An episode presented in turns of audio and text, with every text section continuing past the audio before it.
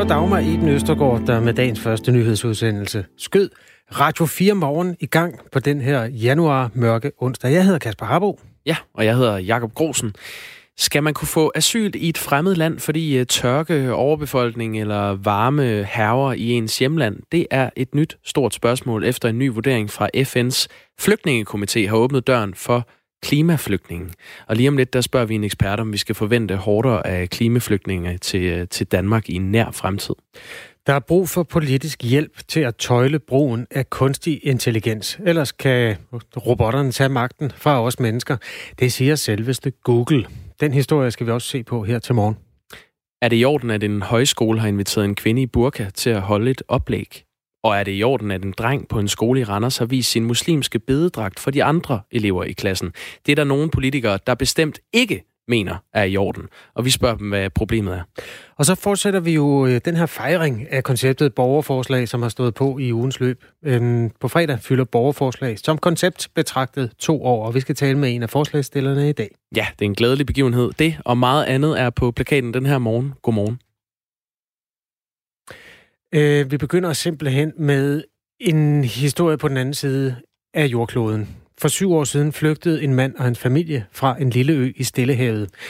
Øhm, øens navn var Kiribati, og de flygtede til New Zealand. Manden forklarede, at øh, de flygtede fra stigende hav, overbefolkning og mangel på mad, som skyldtes klimaforandringerne. New Zealand nægtede at give asyl, fordi man anerkendte simpelthen ikke fra statens side, at den her familie var i øjeblikkelig fare, og derfor blev de deporteret i 2015. Den her sag den er kommet til FN's flygtningekomité, som nu har givet New Zealand staten ret i, at situationen på lige netop Kiribati ikke var øh, så faretruende, at den satte den her mand og hans familie i øjeblikkelig fare. Men og det er vigtigt. Komiteens vurdering åbner alligevel op for, at klimaforandringer i fremtiden kan blive nok til at få, altså blive grund nok til, at man skal have asyl. Godmorgen, Jesper Lindholm. Ja, godmorgen. Et langt bort er du. Øh, Jesper Lindholm er Ph.D. i asylret og lektor på Aalborg Universitet og har beskæftiget sig indgående med klimaflygtningens rettigheder. Øh, hvordan kan den her dom få betydning for klimaflygtninge i fremtiden? Det kan den, fordi øh, at den åbner en mulighed for, at stater i fremtiden kan blive ansvarlige øh, i forhold til deres menneskerettige forpligtelser, hvis de sender folk tilbage til øh, situationer, der ligner dem, der er beskrevet i, i afgørelsen. Øh, en lille justering, det er, at det ikke er flygtningekomiteen, men øh, menneskerettighedskomiteen i FN, der har, der har afsagt den her afgørelse, og det er lidt vigtigt i forhold til det retlige system rundt omkring øh, flygtninge og de her problemstillinger. Jeg tror, vi gør det, Jesper, at vi simpelthen ringer dig op på en telefonforbindelse, så vi kan få dig lidt klarere igennem. Så det, der bliver opgaven for dig, det bliver at tage dit uh, headset ud, og så skal vi lige uh, ringe til dig en gang til. Undskyld til Radio 4's lyttere, at uh, vi nogle gange bøvler lidt med teknikken her. Vi gør vores bedste for at rydde op i det. Um, vi så i 2015, hvor store problemer Europa havde med dengang godt og vel 1,3 millioner asylansøgere, altså flygtninge. Og eksperter vurderer, at øh, der kan komme øh, langt flere, ikke mindst i kølvandet på tørke, oversvømmelser og andre konsekvenser af klimaforandringer. Det store spørgsmål er, om vi skal tage imod dem. Det sms-spørgsmål kan vi da godt øh, sådan lægge op til.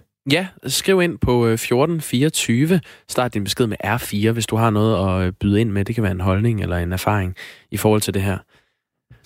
Vi siger godmorgen igen til dig, Jesper Lindholm. Jeg tror, du går klar igennem nu. Godmorgen. Det håber jeg. Godmorgen. Ja, godmorgen. Bedre. Godmorgen. Ph.D. i asylret og lektor på Aalborg Universitet. Øhm, ja. Og du får lige lov at beskrive en gang til. Den her dom, som altså gik imod de ansøgere, mennesker, der kom i håbet om, at øh, det dårlige, altså klimaforandringer, der hvor de kom fra, kunne være grunden til, at de kunne få asyl i New Zealand. De fik et nej, men det kan få betydning på den længere bane. Hvordan? Fordi at den komité, som har afsagt den her afgørelse, beskriver, at øh, det på, i fremtiden godt kan være et ansvar for stater, øh, altså de, hvor staterne skal overveje, at de ikke kan sende folk tilbage til, til lignende situationer, altså som, som så i det konkrete tilfælde er værre end det, som, som ansøgerne i det her tilfælde fik afvist, øh, vil være nok. Hvad skal der til for at være flygtning, som det er i dag? Øh, det er der, hvor jeg så lige vil, vil gå lidt tilbage, fordi I kom til at sige, at det var en flygtningekomité, som havde afsagt det her. Det er egentlig en menneskerettighedskomité, øh, og det kan være lidt teknisk, men der er en stor forskel, at her der handler det om, øh, om man øh, bliver returneret til sit hjemland i, til en situation, hvor ens liv er i fare, eller hvor man er for eksempel er i risiko for tortur eller lignende overgreb. I forhold til flygtningekonventionen, øh, der kan det godt være lignende overgreb, men der er der nogle flere betingelser, der skal være opfyldt. Øh, og der siger man så også i den her afgørelse, at menneskeretsbeskyttelsen, den er bredere, end, end egentlig flygtningekonventionen lægger op til. Men der er altså i hvert fald to kategorier, hvor at man vil kunne komme i betragtning øh, øh til beskyttelse, hvis man søger asyl i en, en stat, nemlig flygtningekonventionen og så de menneskeretlige konventioner. Øh, og så kan der også være helt tredje kategorier som humanitære overvejelser. Mm. Hvis vi skal have lidt fakta ind i sagen her, så kan vi sige, at i 2017, som er de friskeste tal, vi har kunnet få på det her, der var der 18 mm. millioner mennesker, der blev fordrevet på grund af ekstremt vejr. Altså 18 ja. millioner mennesker. Tre gange Danmarks ja. befolkning. Det fremgår ja. af en uh, stor redegørelse fra et svejsisk baseret overvågningscenter for fordrevne mennesker. Ja. Ja. Øhm, og til sammenligning, så er der faktisk kun knap 12 milliarder, ikke milliarder, millioner mennesker. Altså to tredjedele af det tal er fordrevet på grund af konflikt og krig samme år. Det vil sige, at der er endnu mm. flere klimaflygtninge, end der er øh, flygtninge fra krig. Hvilken betydning tror du, det får for Danmark sådan på den helt lange bane? Altså, den første led i det, det er jo, at, at prognoserne måske nok er endnu værre end det, du lægger op til der. Øh, fordi fremadrettet, altså man siger jo i de næste par årtier, øh, der, der kan der være en øh, risiko for, at øh, der er 10-20 millioner, der flygter på grund af klimaforandringer. Øh, og der er jo nogle prognoser, der hedder, at øh, hvis vi kommer længere frem i tiden, så er det øh, op imod øh, 200-250 millioner mennesker, som er i risiko for at, at flygte eller, eller flytte sig på grund af, af klimaforandringer. Og så kan man sige, hvad betyder det for Europa og for Danmark? Vi har jo nok vores, øh, vores øh, politiske samtale om, om øh, flygtningekrisen i, i baghovedet i 2015 og 2016. Og det er klart, at hvis der på øh, verdensbasis kommer flere flygtninge, så vil det jo kunne få en betydning for Danmark også. Men der er ikke noget, der sådan umiddelbart tyder på, at, øh, at der er et pres på Europa og Danmark lige nu. Så det er nok en mere fremtidig, øh, ja, en prognose for fremtiden. Øh, ja.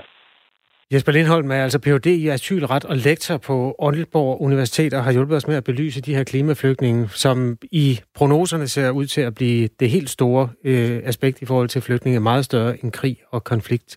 Jesper, tak fordi du var med i Radio 4 morgen. Ja, selv tak. Jesper Lindholm altså fra Aalborg Universitet. Klokken er blevet 13 minutter over 6. Kunstig intelligens skal tøjles, og vi har brug for hjælp fra politikerne til at gøre det. Det siger ingen andre end Googles egen Sundar Pichai, som er topchef for et selskab, som ellers sammen med andre tech-virksomheder som øh, Microsoft og Facebook er frontløber i brugen af kunstig intelligens. Godmorgen, Thomas Terni. Godmorgen, Thomas Terni. Mm. Vi skulle gerne have Thomas Terni, Ph.D. i kunstig intelligens og forfatter til en uh, bog om samme emne med. Og ja, det tror jeg, vi har nu. Godmorgen, Thomas Terni. Godmorgen, kan I høre mig nu? Yes. Ja, vi kan. Godmorgen her. Godmorgen. Åh, oh, fantastisk. Og vi, vi kan da høre dig klart og tydeligt. Thomas Terni, når, når firmaer som, uh, som Google går ud og beder om at få uh, kunstig intelligens tøjlet på den her måde, og støtter et forbud imod uh, ansigtsgodkendelse eller genkendelse uh, for eksempel, skal vi så være bekymrede? Nej, jeg tror i virkeligheden, at øh, det, som Sundar her siger, det er, at der går en i linje med mange af de andre CEOs fra de store tech-selskaber, der siger, at vi bliver nødt til at lave en eller anden form for regulering her. Og det siger de blandt andet, fordi at de kan jo godt se, at det er der, vindene blæser rent politisk. Man snakker om både i EU og USA at gøre noget. Så hvis man som CEO gik ud og sagde, at vi kan bare køre videre uden nogen problemer, så ville man være fuldstændig politisk tonedøv.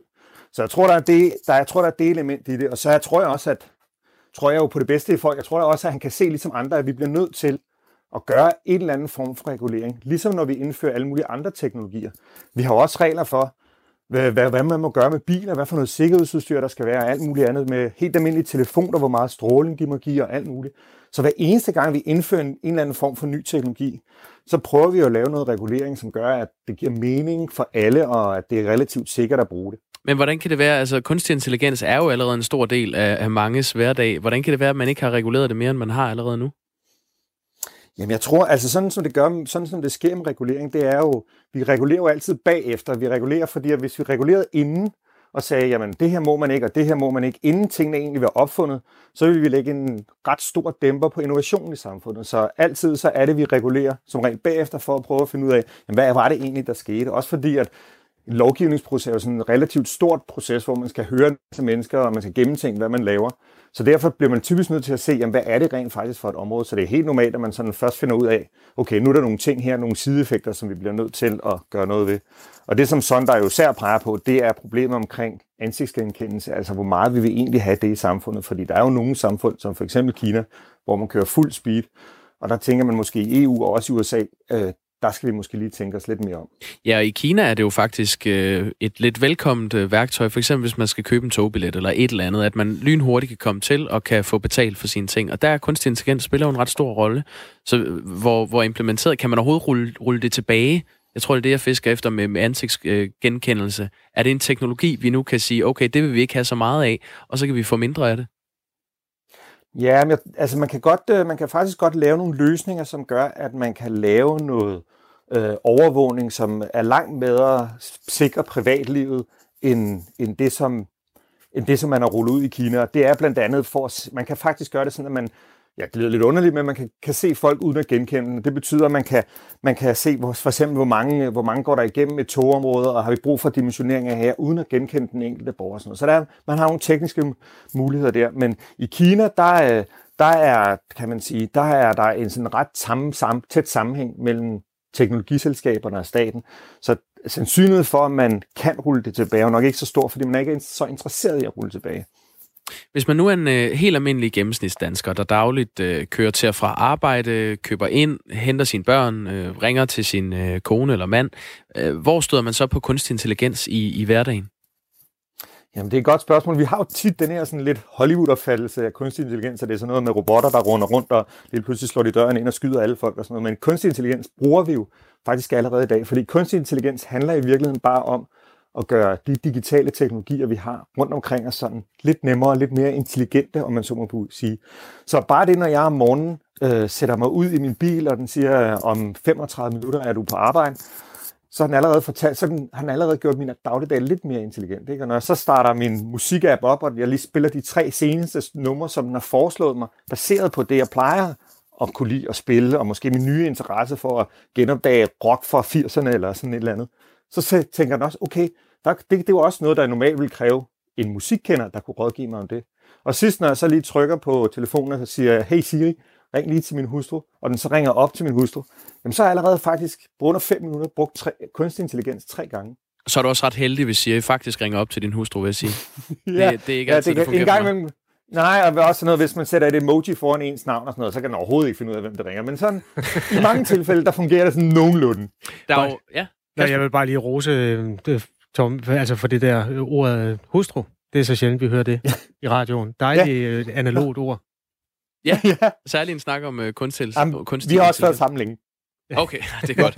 Der er, der er jo flere, Thomas Terni, der er flere kendte eksempler på, at, at kunstig intelligens kan, det kan gå helt galt, når, når vi sætter den til at lære øh, af os mennesker. Der var et eksempel, hvor øh, kunstig intelligens skulle lære fra tidligere domme, at sorte amerikanere skal straffes hårdere end hvide amerikanere for nøjagtigt den samme forbrydelse. At det var ligesom det, den tog ved lære af, når, når den kiggede på domme. Eller når virksomheder bruger kunstig intelligens til at, at sortere i jobansøgninger, og teknologien bliver fodret med oplysninger, der gør, at den diskriminerer ud fra køn og hudfarve, efternavn eller alder, sådan som mennesker kan have tendens til at gøre. Så jeg ved ikke, er der, er der brug for, at vi, vi hiver lidt i håndbremsen, når vi taler om brug af, af kunstig intelligens? Ja, altså jeg synes, det, altså det som jo sker her, det er, hvis vi kigger og snakker med, om dommene til at starte med, ja. så er det jo ikke sådan en kunstig intelligens, der pludselig opfinder at være racistisk. Det, der jo sker her, det er, at kunstig intelligens faktisk er rigtig god til at lære af, hvad vi gør. Og det, der er sket i det amerikanske øh, retssystem, og faktisk også i mange andre, måske også i det danske og andre steder, det er jo, at sorte og farvede, de faktisk bliver bedømt hårdere. Så det, som den kunstige intelligens har fundet, det er, der er et helt klart mønster her i måden, øh, vi bedømmer. Og så fordi den har jo ikke øh, sådan nogen moral eller noget som helst, så den fortsætter simpelthen bare det, vi altid har gjort. Men det er jo ikke sådan, man kan sige, at den gør det værre, end det vi altid har gjort, for vi har bare altid dømt på den måde. Så det kunstig intelligens i denne her situation i virkeligheden gør, det gør det muligt for os at sige, hey, øh, har vi lyst til at videreføre den praksis eller ej? Fordi nu er det lige pludselig sort på hvidt, ligger på bordet. Jamen altså, statistisk set, så gør vi bare sådan her, og vi bliver ved med at gøre det. Så er vi interesseret i et intelligenssystem, der viderefører den praksis, eller er vi interesseret i noget andet? Det samme er netop også med, med sådan noget som, øhm, som forfremmelser. Der er så lavet sådan en, en amerikaner, der har lavet en bog, der hedder Weapons of Math Destruction, altså matematisk masseødelæggelse. Og hun siger jo netop det her med, at en af de problemer, vi har, hvis vi bare, bare direkte indfører dem, så er de her algoritmer og det her kunstig intelligens, så er vi, hvis vi kigger på sådan for eksempel forfremmelser i virksomheder, så vil man tænke, nå jo, men dem, der bliver forfremmet, det er mænd. Jamen, det må så også være dem, der er bedst til at blive forfremmet, og derfor bliver vi med at foreslå, at dem, bliver forfremmet. Ikke? Så vi kan med de her systemer faktisk lige pludselig tage stilling til, okay, hvad er det for nogle fejl eller bias, eller det, der hedder sådan fordomme, vi mennesker har i de beslutninger, vi tager, og så ligesom sætte et look på det og gøre dem anderledes. Men det er rigtigt nok, hvis vi bare sådan øh, læser kunstig intelligens ud over og fortsætter det, vi altid har gjort, så bliver vi selvfølgelig med med at begå fortidens fejltagelser. Det er ikke så rart, når robotterne kopierer vores øh, mindre heldige side af vores øh, adfærd. Jeg ved, Microsoft lancerede Nej. en chat-robot på et tidspunkt, som skulle lære af de personer, som den kommunikerede med på Twitter blandt andet. Og der gik jo kun døgn for den her robot, som hed Tay. Den begyndte at, altså, den startede med at skrive om søde hundevalpe, og så gik den mere over i øh, sådan øh, antisemitiske ytringer og skrev, at alle feminister skulle brændes i helvede og sådan noget. Det tog et døgn ja. øh, fra den havde ja. sat sin fod på internettet første gang, til den begyndte at opføre sig som en maniac og begyndte at ligne et menneske i foruroligende grad. Ja, og det var jo, øh, det er jo sådan blevet et skoleeksempel på, hvordan man som virksomhed og alle mulige andre så ikke skal gøre. Fordi lige netop det, der sker, når man kommer med de bedste intentioner om at tale om hundevalg, når man så sidder og møder internettets hårde realiteter, så sker der lige pludselig noget andet. Og det, der jo skete her, det var, at der var nogle folk, der tænkte, okay, vi prøver at hacke Tay, om man så må sige. Og det, de gjorde, måden de gjorde det, det var med at give, blive ved med at give Tay de her sådan racistiske og misogyne udtalelser osv., som gjorde, at Tay til sidst opførte sig på den måde. Fuldstændig lidt ligesom den der sådan kunstige intelligens dommer. Ikke? Hvis man bliver ved med at føde den med racistiske domme, jamen så bliver det en racistisk dommer, man får. Så du mener altså, der er, der er god grund til at, at håbe på, at kunstig intelligens kan, kan blive renset for de, øh, de fordomme og de fejl, som vi øh, som mennesker selv uh, har tendens til at udvise. Men der er jo også en anden, et andet aspekt uh, i det her, Thomas Terni, og det handler jo om, om kunstig intelligens tager magten fra os mennesker. Hvor, hvor står vi i forhold til den udvikling?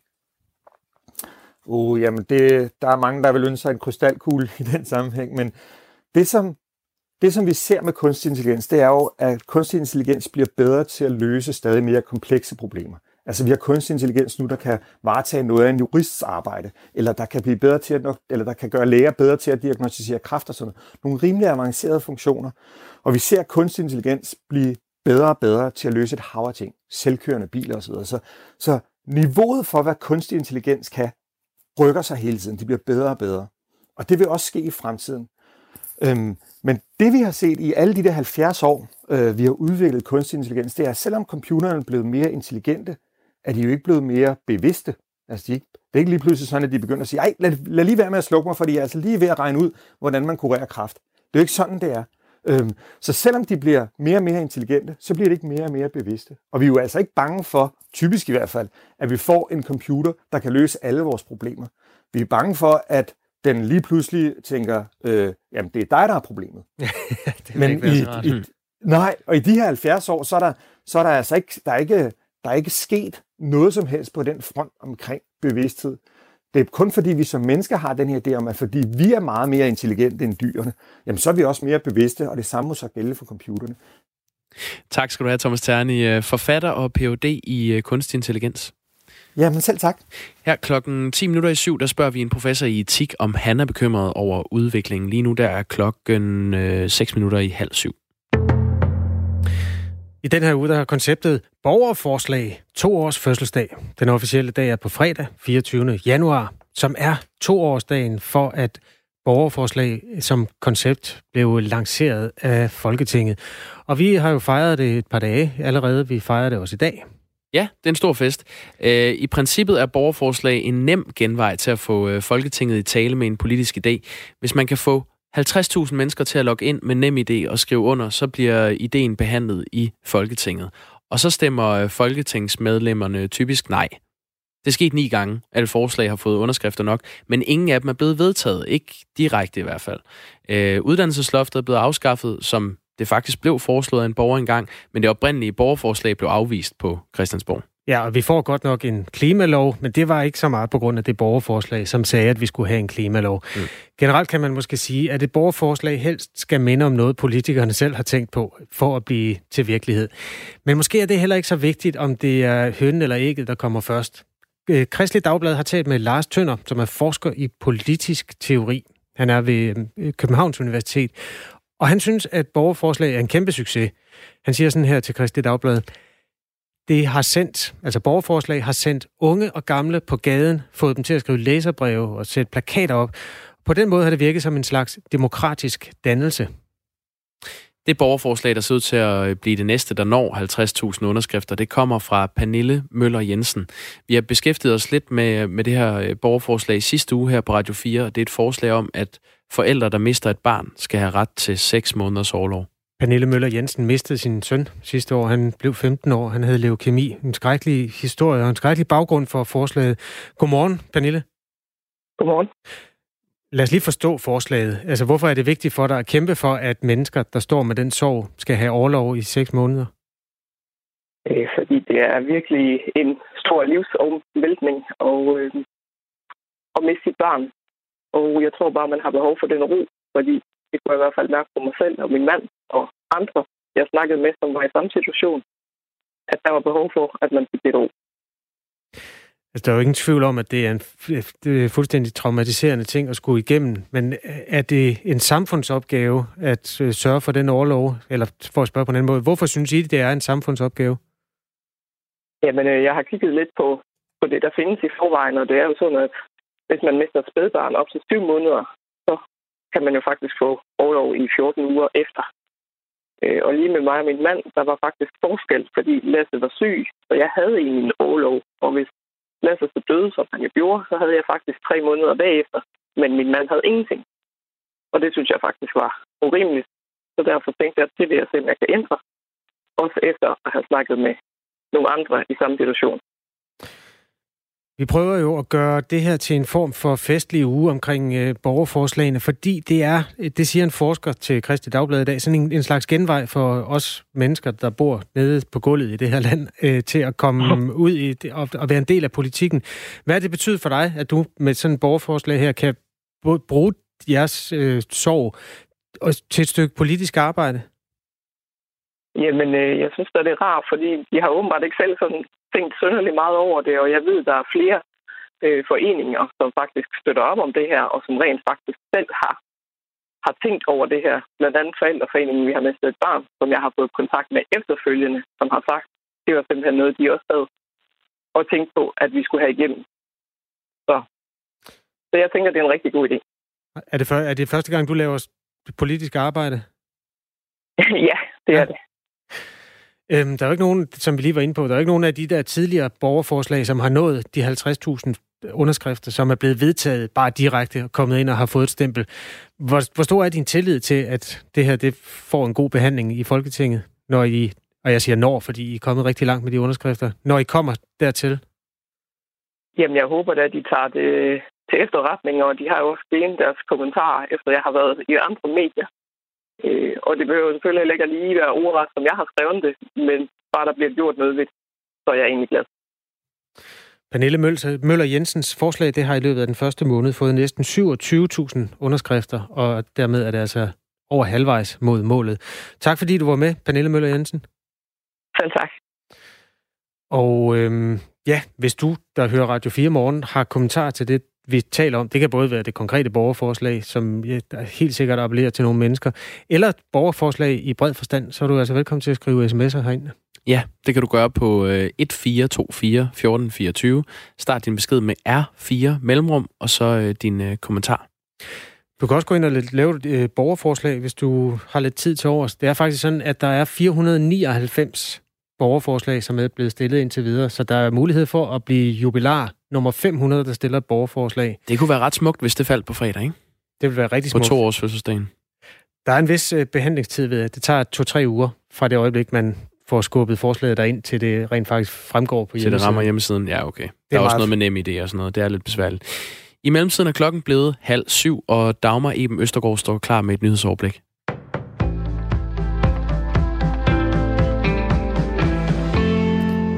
Problemerne med mangelfuld kontrol med skatteborgernes penge i Forsvarsministeriets ejendomsstyrelse er formentlig mere omfattende, end hvad der hidtil er blevet afdækket, det siger Forsvarsminister Trine Bremsen.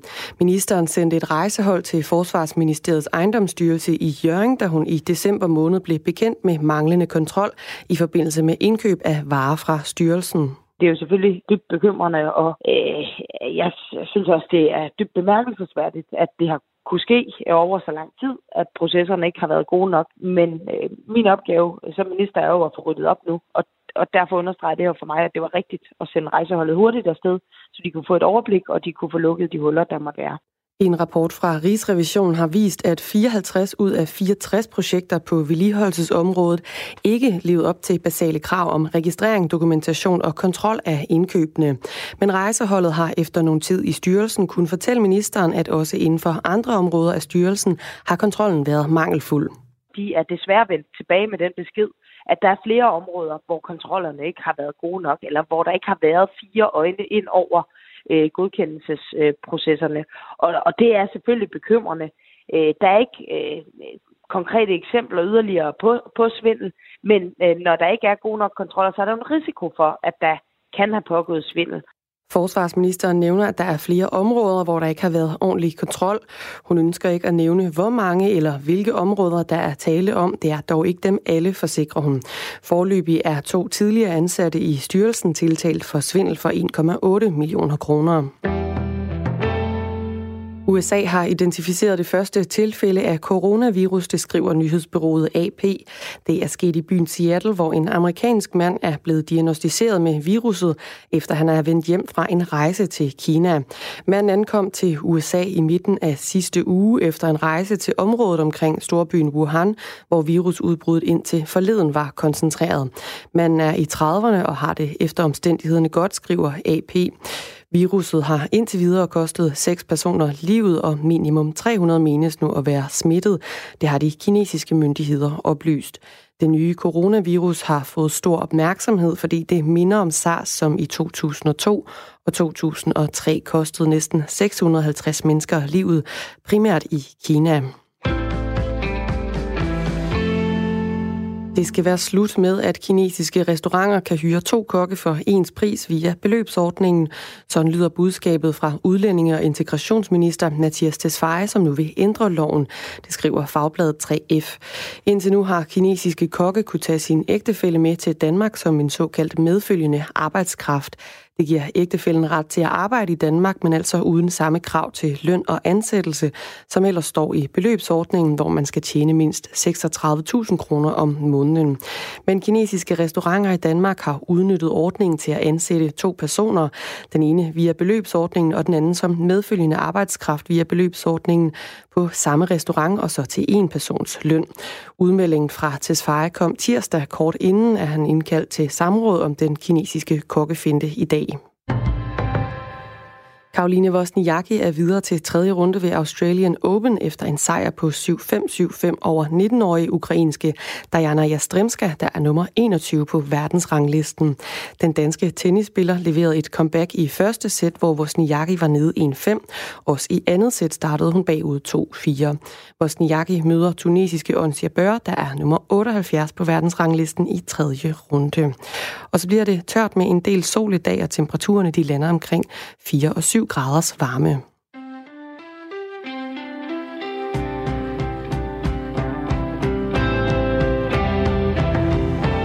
Godmorgen, du lytter til Radio 4 morgen, 22. januar. Klokken er blevet 4 minutter over halv syv, og det er Dagmar Eben Østergaard, der er nyhedsvært på Radio 4 morgen. Jeg hedder Kasper Harbo, og jeg står sammen med Jakob Grosen. Som barn tilbragte jeg min sommerferie hos mine bedsteforældre. Vi spiste hendes lækre pandekager, som var tynde som krep, og rullede i sukker og kakao. Men nogle gange gik det også galt.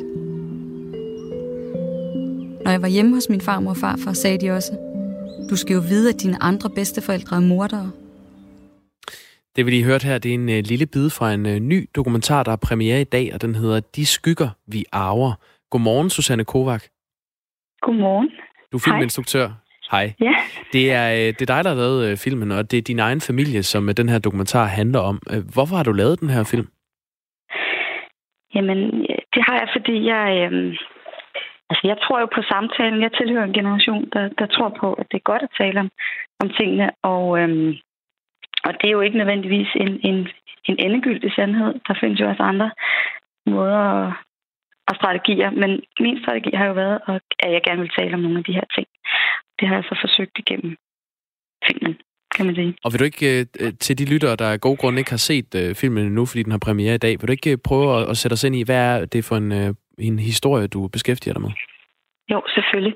Øhm, jamen altså, jeg er barnebarn af øhm, ja, min, min farmor og farfar kom til Danmark i 56, øh, hvor der var nogle, en del ungarske jøder, der kom til Danmark.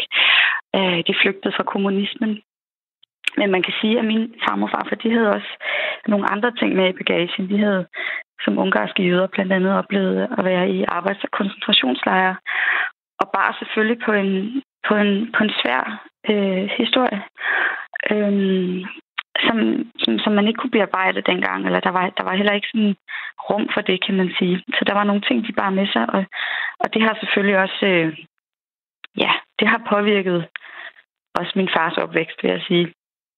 Eller det fortæller jeg også i historien.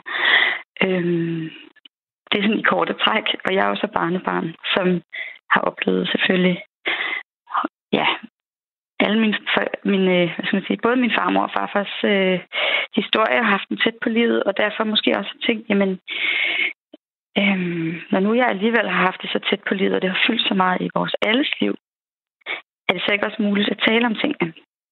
Så det er ligesom det, der er udgangspunktet for filmen. Mm. Som barnebarn, hvor meget øh, har du så følt, du har kunne, øh, kunne tillade dig at bore i dine øh, egne familiemedlemmers traumatiske fortid på den her måde? Det er et, et, et, et rigtig godt dilemma, eller et godt spørgsmål, for det er et dilemma, hvor meget, altså hvor meget har man, har man lov til at spørge ind til ting, der er svære, øh, selvom de har fyldt i vores alles liv, og, øh, og omvendt også selvfølgelig, øh, øh, altså både at man selvfølgelig tænker, at jeg har ret til at stille nogle spørgsmål, eller ret, det er et forkert ord, men, men, men, men at, at, det, at, det, det giver, at det er legitimt, at man gør det, men at modparten, eller hvis man siger den ældre generation selvfølgelig også kan sige fra og, og sige stop.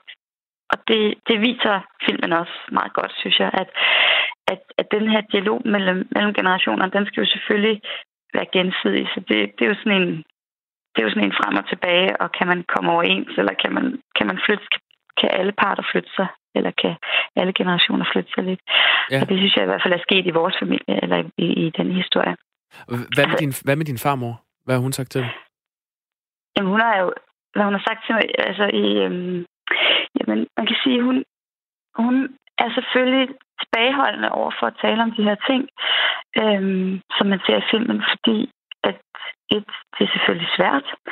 Øhm, det ripper op i nogle ting. Øhm, og alligevel så er det jo nogle ting, der ligger der øh, og er, er der. Og øhm, man kan sige, undervejs i processen, så, så har det jo også været, man kan sige, det er jo noget, der, har, det er noget, der er så stort, så selvfølgelig har det fyldt i vores alles liv, og derfor så har vi jo også kendt mange af ting, eller vi kendt mange af hendes historier eller oplevelser, men, men det er jo ikke så meget det, det faktuelle, vi har talt om. Det er mere sådan det følelsesmæssige, ja? Mm. Susanne Kovacs, det er, det er som om, at det er blevet, øh, på en eller anden måde er det blevet børnebørnenes tid til at bearbejde holocaust nu. Vi, det er to uger siden, vi havde en, øh, en anden dokumentarfilmsinstruktør, som havde lavet en, øh, en dokumentar, ja. der hedder Krigen, der splittede min familie, som, som ligger på DR. Øh, Benjamin Fischers ja, nemlig Benjamin. Mm. Øh, det er som om, at det nu er blevet, blevet jeres tid til at bearbejde Præcis. de her. Nu, nu kalder også. du også din dokumentar, De skygger, vi arver. Hvad, hvad er det for nogle skygger, der er kastet ind over dit liv? Ja, men altså, jeg tror, at der er en grund til, at det er børnebørn. Altså man kan sige, for det første, så er vi jo blevet voksne nu. Så det er jo ligesom vores perspektiv, der nu kommer frem. Men så tror jeg også, at, øhm, altså, at, det, at det er de emotionelle historier, som vi fortæller. At, altså, at både min, min bedsteforældre havde svært ved at, at tale om nogle ting, men også at min fars og mors generation har haft svært ved at spørge ind til nogle ting. At det, at det var nogle andre ting, der optog dem. For eksempel optog det dem øh, mere på et samfundsmæssigt plan, hvad der var sket. Altså nu handler min film jo om, om skyggerne efter noget så stort som Holocaust, som er jo nu, hvor vi går ind i øh, ugen for, hvor man markerer øh, frielsen af Auschwitz, så er det jo, altså det er nogle, nogle meget tunge skygger, vi taler om, og de skygger, dem har, jeg siger ikke, at forældres generation ikke har oparbejdet og bearbejdet de, de traumer. De gjorde det bare på et samfundsmæssigt plan ved ligesom at spørge ind til, jamen, øh, at folk blev stillet til ansvar, at øh, nazier blev retsforfulgte, at øh, samfundsstrukturer blev bygget, så, så det ikke skulle gentage sig, at øh, de historier blev fortalt, at det faktuelle blev frem, fremvist. Ikke? Hvor at man kan sige, at de historier er jo meget belyste, og det er jo vigtigt, men børnebørnene stiller måske mere spørgsmål til deres egen familie, og til, altså det gør Benjamin Fischer jo også, det gør mm. jeg også. I den her film stiller jeg spørgsmål til, hvordan var det så? Altså, hvordan, altså ligesom, at man kan have en samtale sammen om, hvad der er hent, ikke? Og øh, den samtale, den film, kan man se øh, i aften på DR2 kl. 21.30. De skygger, vi arver. Og derudover øh, bliver den her film også vist i Cinemateket i København i forbindelse med Copenhagen Jewish Film Festival. Øh, Susanne Kovac, filminstruktør, tak fordi du var med her.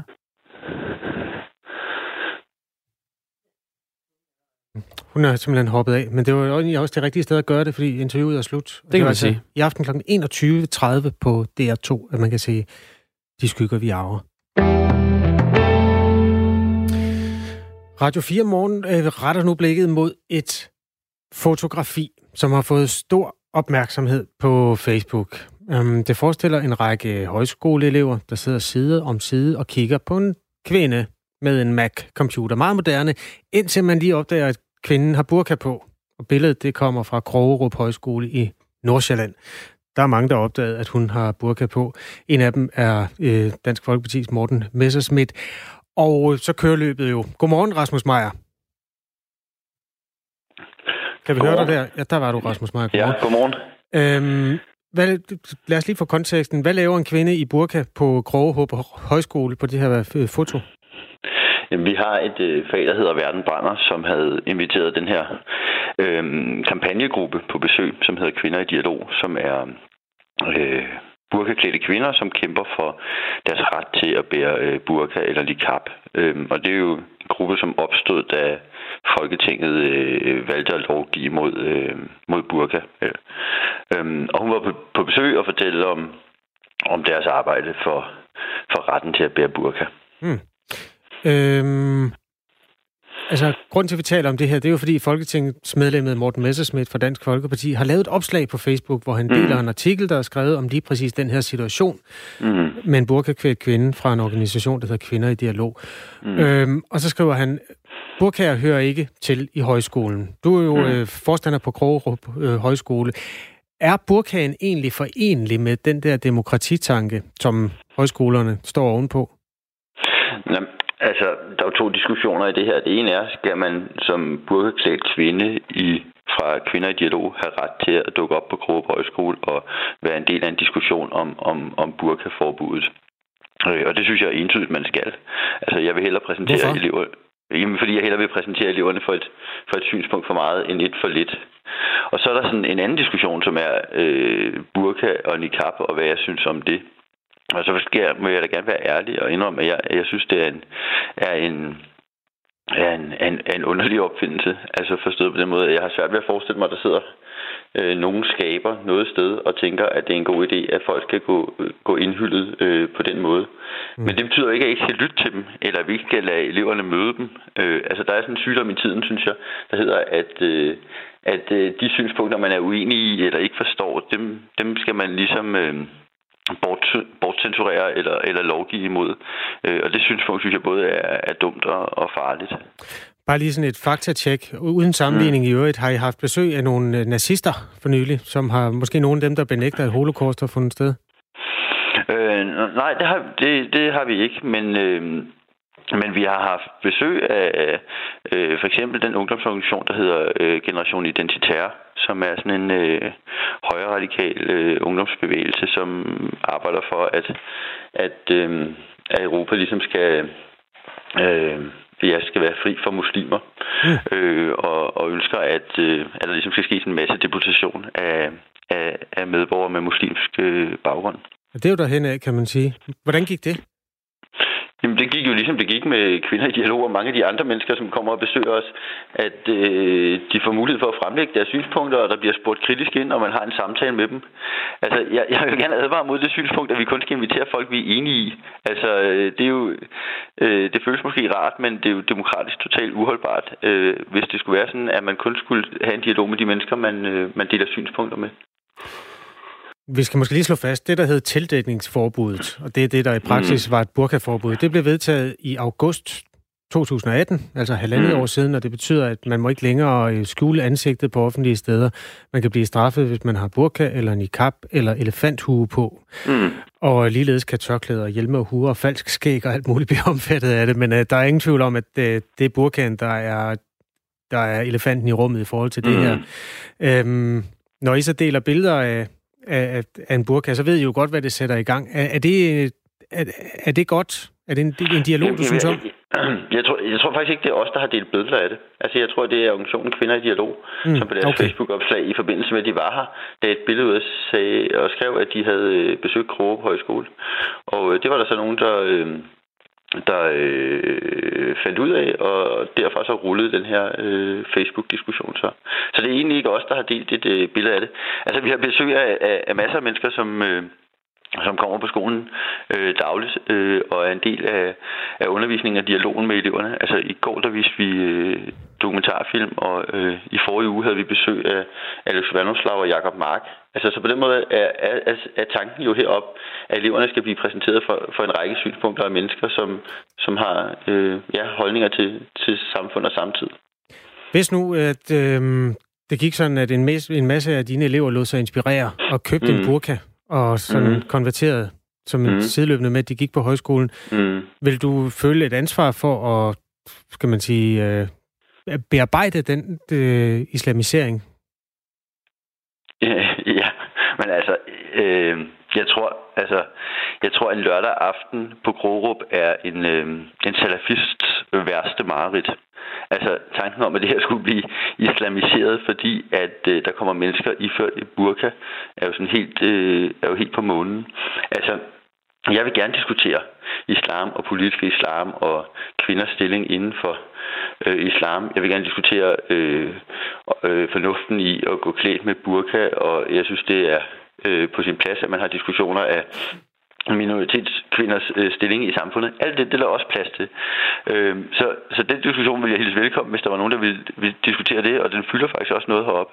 Øh, men det var bare ikke det, der var tilfældet i, øh, da, da kvinder i dialog ligesom øh, gæstede øh, Krogerup.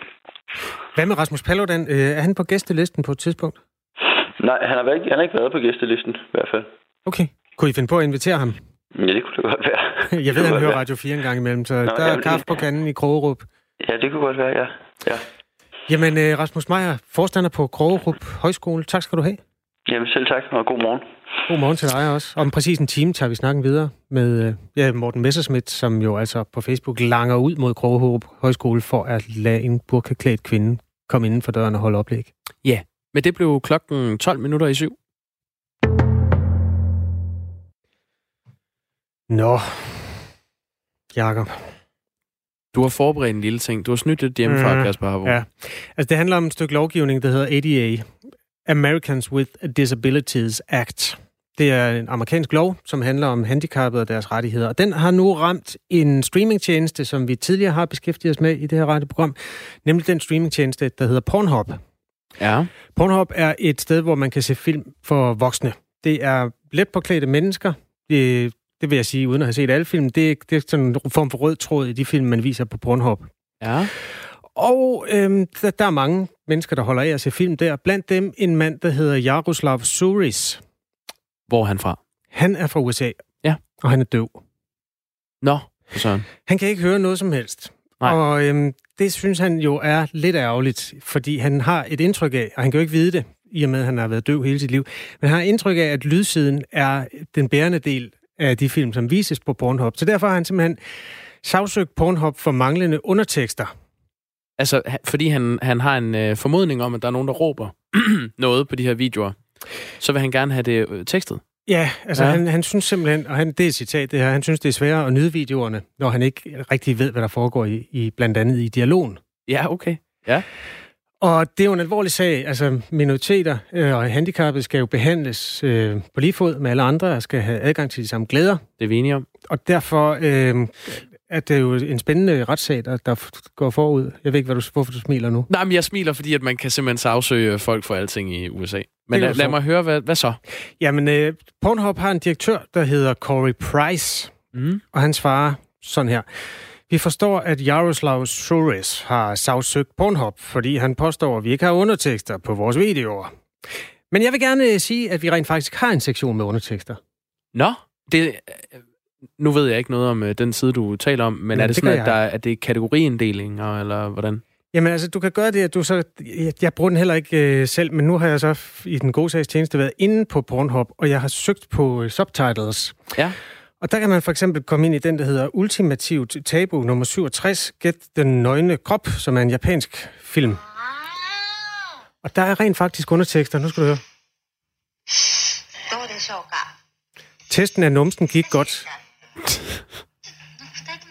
Det er en klassisk krop. Hvad, kan, du, kan du fortælle lidt om, øh, om filmens plot? Der står to kvinder uden tøj på. De er, øh, hvis man må sige det, øh, japanere. Ved siden af sidder der en mand, som også er japaner, og han stikker nu hovedet meget tæt på en, øh, det, der er understillet af en tredje, en som jeg ikke ved om japaner, fordi den person stikker sin numse ud igennem et hul i en væg. Så siger øh, den, den sidste japaner, og det er jo heldigvis tekstet det her, du kunne godt åbne for ham. Åbne for ham? Det er, en, det er en japansk film. Japanske film er Men er, altid er det fint er dårligt oversat? Altså, fordi så går der jo alligevel noget af, af glæden, hvis man får en, et forkert indtryk af, hvad det handler om. Ja, altså jeg har et helt klart indtryk af, hvad den her film handler om. og jeg vil sige til Jaroslav Suris og alle andre, der bruger Pornhub, den der, den kunne godt have fungeret uden undertekster. Ja. Jeg vil sige en ting mere. Japanske film er altid virkelig underlige. Det gælder både de sådan mere langsomme, og, også, og også dem, der ligger på Pornhub. Åh, oh, nej. Men det her, det var i den gode sags tjeneste. Og hvor jeg hvor bare... står retssagen lige nu? Jamen, jeg tror, den står der, at det er påstand mod påstand i øjeblikket. Er det her godt nok, eller er det ikke godt nok? Det, det er op til en amerikansk retssag. Det sidste ord er ikke sagt i den sag. Nej. Nej. Hold op, Kasper. Hvad, hvad skal vi så til? Skal vi ikke uh, kaste os over noget med, med noget kunstig intelligens derfra? jo. Spotify, Google Maps, Siri, det er vores hverdag, der er fyldt med kunstig intelligens. Vi beskæftigede os med det lidt, uh, lidt tidligere med en uh, teknologiekspert, og nu skal vi have det etiske, uh, den etiske vurdering af den her udvikling. Fordi vi taler her til morgen om vores brug af kunstig intelligens, om vi har bevæget os ud på et skråplan, fordi selve topchefen i selveste Google nu for at bruge et øh, fortærsket udtryk, råber vagt i gevær. Han synes, at, øh, at øh, udviklingen er gået for hurtigt, og vi har brug for nogle øh, beslutningstager, nogle politikere, der går ind og regulerer den teknologi, som hans egen øh, tech-virksomhed, det er Sundar Pichai, øh, Google CEO, øh, ja, Google selv er, er storbror af øh, kunstig intelligens. Nu kan vi sige godmorgen til Thomas Plov. Godmorgen. Godmorgen. Professor i anvendt etik øh, på Aalborg Universitet. Når Google nu selv går ud og beder om at, at få kunstig intelligens øh, reguleret og støtter et, et forbud imod for eksempel ansigtsgenkendelse, skal vi så være bange? Altså, det er da værd at bemærke, kan man sige. Øh, men han er jo sådan set bare en i en lang række. Altså, i, igennem flere år er der jo øh, eksperter, der egentlig har advaret mod den her udvikling. Øh, fysikeren Stephen Hawking, som nu desværre er død, øh, var ude og advare mod kunstig intelligens, og også udviklingen af kunstig intelligens, og mente, at det var måske en af de allerstørste trusler mod menneskeheden. I 2014, der lavede man en, øh, en stor undersøgelse, øh, ikke blandt de almindelige befolkninger, men blandt udviklere af kunstig intelligens. Og man spurgte dem simpelthen, hvornår vil vi få sådan virkelig, virkelig superintelligens? Og de sagde, det var man enige om, at det vil man få sådan cirka omkring 2050, altså en intelligens, der overskrider menneskets intelligens. Om 30 og så spurgte, år. Ja, præcis. Noget i den stil. Ikke? Og så spurgte man, hvordan, hvad, hvad vil det her konsekvenser for, for menneskeheden? Ikke? Og der var det cirka en, et, der vurderede man samlet, at der var en tredjedel chance for, at det ville være rigtig, rigtig alvorligt. Øh, det vil være bad eller extremely bad for menneskeheden, når vi får superintelligens. Og det var altså ikke almindelige mennesker, man spurgte. Det var dem, som sidder og udvikler AI. Og det rejser jo lidt spørgsmål, jamen, hvad skal vi gøre, når folk på den måde advarer? Altså, der er jo ingen tvivl om, at den anden side af den her historie, det er jo, at der ligger et enormt potentiale i kunstig intelligens. Øh, og det er ikke kun, kun et kommersielt potentiale. Det er ikke noget med, at virksomheder øh, udvikler kunstig intelligens og kan tjene mange penge. Det handler om, at vi får bedre behandlinger i sundhedsvæsenet, for eksempel. Det kan bruges i kampen mod klima og alt muligt andet. Øh, det kan måske endda ende med, at vi får bedre vejrudsigter. Øh, så, så der er ingen tvivl om, at der ligger et enormt potentiale øh, i at udvikle kunstig intelligens. Men alle, der udvikler det, ser altså også, der ligger nogle øh, farlige momenter i det, som vi skal være opmærksom på. Og så er det store spørgsmål, hvad skal vi gøre, når folk de råber vagt i gevær? Ja, og hvad skal vi gøre? Jamen, der er ikke nogen tvivl om, altså øh, EU-kommissionen har jo lige øh, sat anvendelsen af ansigtsgenkendelse øh, på hold, og sagt, jamen, øh, vi vil ikke til at bruge ansigtsgenkendelse software i det offentlige rum i EU. Øh, vi vil simpelthen vi vil have nedsat nogle kommissioner, som kan arbejde med, jamen, hvad er konsekvenserne for samfundet af? For eksempel bare at introducere sådan noget som ansigtsgenkendelse øh, generelt i det offentlige rum. Altså, øhm, og det tror jeg, det er måske det i virkeligheden alle beder om. Det er noget betænkningstid. Der sidder masser af mennesker, masser af kloge mennesker og udvikler på de her ting. Øh, men der er også brug for, der er også mennesker, der er ude og advare mod det, og der er brug for, at man får tid til at udvikle standarder, for hvor sikre tingene skal være, så vi undgår, at de øh, gør skade. Altså hvis man har et diagnostisk system i, i sundhedsvæsenet, et, altså et system, der stiller en diagnose, ja, så skal vi selvfølgelig bruge noget tid på at være sikre på, at det fungerer, som det skal. Øhm, vi skal også være sikre på, at det ikke diskriminerer nogen typer af patienter. Øhm, øh, og vi skal også sikre os, at vi ikke bliver alt for, på meget, meget kort tid, bliver alt for afhængige af sådan nogle systemer, sådan at vi mister nogle af de her evner øh, som mennesker. Øh, vi skal også være sikre på, at vi ikke bruger så meget energi. Der var et studie der i, øh, i USA, som viste, at at udvikle sådan et system, et, et kunstig intelligent system, hvad enten det så er Siri eller et diagnostisk system, øhm, det bruger faktisk øh, lige så meget energi, som fem biler bruger. Altså, øh, øh det har et lige så stort CO2-aftryk som fem, øh, produktionen af fem biler har, og brugen af de fem biler gennem en hel livstid. Mm. Thomas Blå, jeg tror altså simpelthen, vi bliver nødt til at gøre det fuldstændig konkret. Kan, vi, kan du give et eksempel på, at et menneske, det kunne være en 48-årig mand som mig, der et eller andet sted øh, bliver ansigtsgenkendt på en dårlig måde? Nø, altså, øh, altså sagen er jo den med, med ansigtsgenkendelse, det, det vil man jo typisk bruge for øh, i, til, det er politiet, der vil bruge det, myndighederne, der vil bruge det for at, at øge sikkerheden i samfundet. Ikke? Vi bruger mm. det til opklaringsarbejde og så videre. Ikke? Og efterretningstjenester, de gør, hvad der passer dem. Det ved vi alligevel jo. Øh, øh, præcis. Øh, men, men sagen er jo den, at, øh, at med øh, ansigtsgenkendelse får man jo også muligheder for at kortlægge folks færden. Hvor er de? Øh, hvilken, hvad har de opmærksomheder på? Og man ved, at sådan overvågning, øh, overvågning, masseovervågning har en effekt på vores adfærd. Det er lidt omstridt præcis, hvornår den viser sig osv., men det er noget med, at når vi ved, at vi er overvåget, så, så regulerer vi vores adfærd efter det. Og så derfor er det i virkeligheden, har det konsekvenser for vores frihed at vi ikke bevæger Men det er ikke særlig konkret, det der, Thomas. Hvor, hvor kunne jeg stå i en dum situation med det genkendte ansigt?